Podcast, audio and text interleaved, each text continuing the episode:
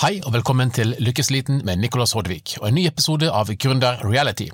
I disse episodene ser vi på oppstartsselskapet bak Lykkesliten, nemlig Tinga.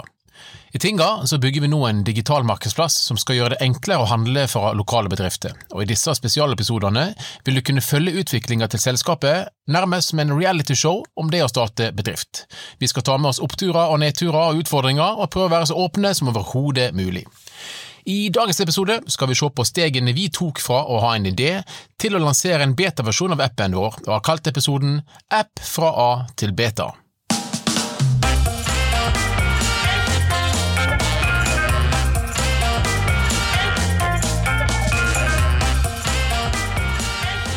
Markedsplassen Tinga skal i første omgang lanseres som en app. Vi tror dette formatet gir den aller beste kundeopplevelsen, og er det beste verktøyet i vår søken etter å gjøre det superenkelt å handle for små, lokale bedrifter. Før jeg snakker om betatestinga vår, skal jeg prøve å forklare på en enkel måte hvordan vi har angrepet utviklingsprosjektet vårt. Og siden jeg sjøl ikke er en utvikler, gjør jeg det på en litt sånn eh, oversimplifisert måte, som oss vanlige dødelige sjøl kan skjønne. Jeg har derfor delt inn eh, oppbygginga i sju ulike faser. 1. Idé. Utgangspunktet vårt var å lage en app som gjør det enkelt, men smooth for små bedrifter å selge sine produkt online. 2. Funksjonaliteter.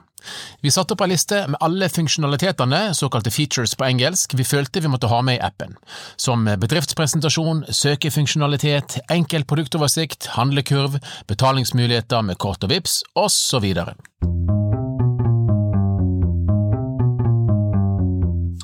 3. Mockups. Når alt dette var på plass, så tegna vi skisser for å få en viss oversikt over hvordan dette kan sees ut i et app-format. Dette her kan du gjøre på et ark eller rett i en programvare. Vi er veldig utålmodige, og vi har alltid litt dårlig tid, så vi slo sammen mockups med design og tegna alt sammen i programvaren UXPin.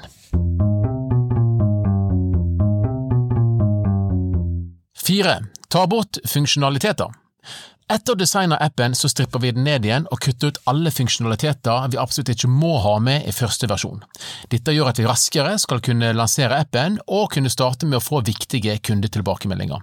Vi kaller dette her en MVP, eller en Minimal Viable Product, og vi har skrevet litt mer om det i en annen blogg, og den kan du finne på tinga.no blogg. Fem. Bygg appen. Vi måtte så velge hvordan vi skulle bygge appen. Dette her kan gjøres på veldig mange måter. Skal en bare lansere for IOS, altså på Apple-telefoner, eller Android, nesten alle andre telefoner, eller gå for en løsning som kan fungere på begge operativsystemene? Og hva med web? Vel, vi valgte å gå for Flytter. Det er en verktøykasse som er laget av Google, og gjør at vi kan lansere arbeidet vårt på en rekke plattformer som fungerer både på IOS, Android og senere på web. Jeg skal ikke forklare mer om Flytter her og nå, det skal vi prøve på en podkast med en av utviklerne våre. Men det vi kan si, er at siden Oscar og Brieux har utvikla i andre utviklerspråk, lærte de seg flytter ganske raskt. Det hjelper også at flytter er i rivende utvikling, og flere store internasjonale selskap bruker systemet, ikke minst Google sjøl. Flutter blir derfor bare bedre og bedre. Noen av selskapene som bruker Flutter, i tillegg til Google, er Alibaba, Tencent, Square, eBay og Sonos.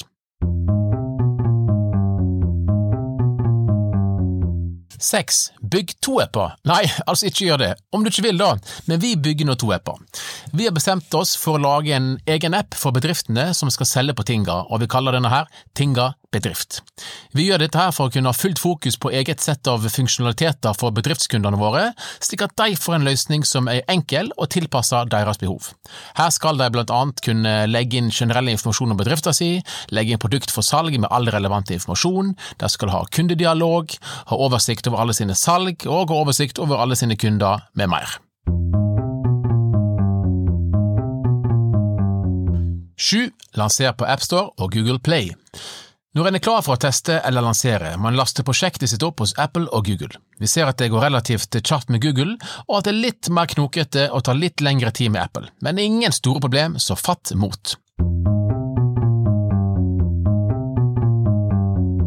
Betatesting Nå har vi altså drevet og utvikla disse appene våre som svetter rennet i tolv uker. Og nå er spenninga til å ta og føle på, for denne uka her så begynner endelig betatestinga. Det vil si at vi gir et par bedrifter anledning til å legge produktet inn i appen og selge til utvalgte kunder. Da får vi først og fremst testa at alt vi har bygd så langt fungerer. Produktene blir vist slik de skal, kunder klarer å legge produktene i handlekurva og betale, bekreftelses-e-poster går der det skal, osv.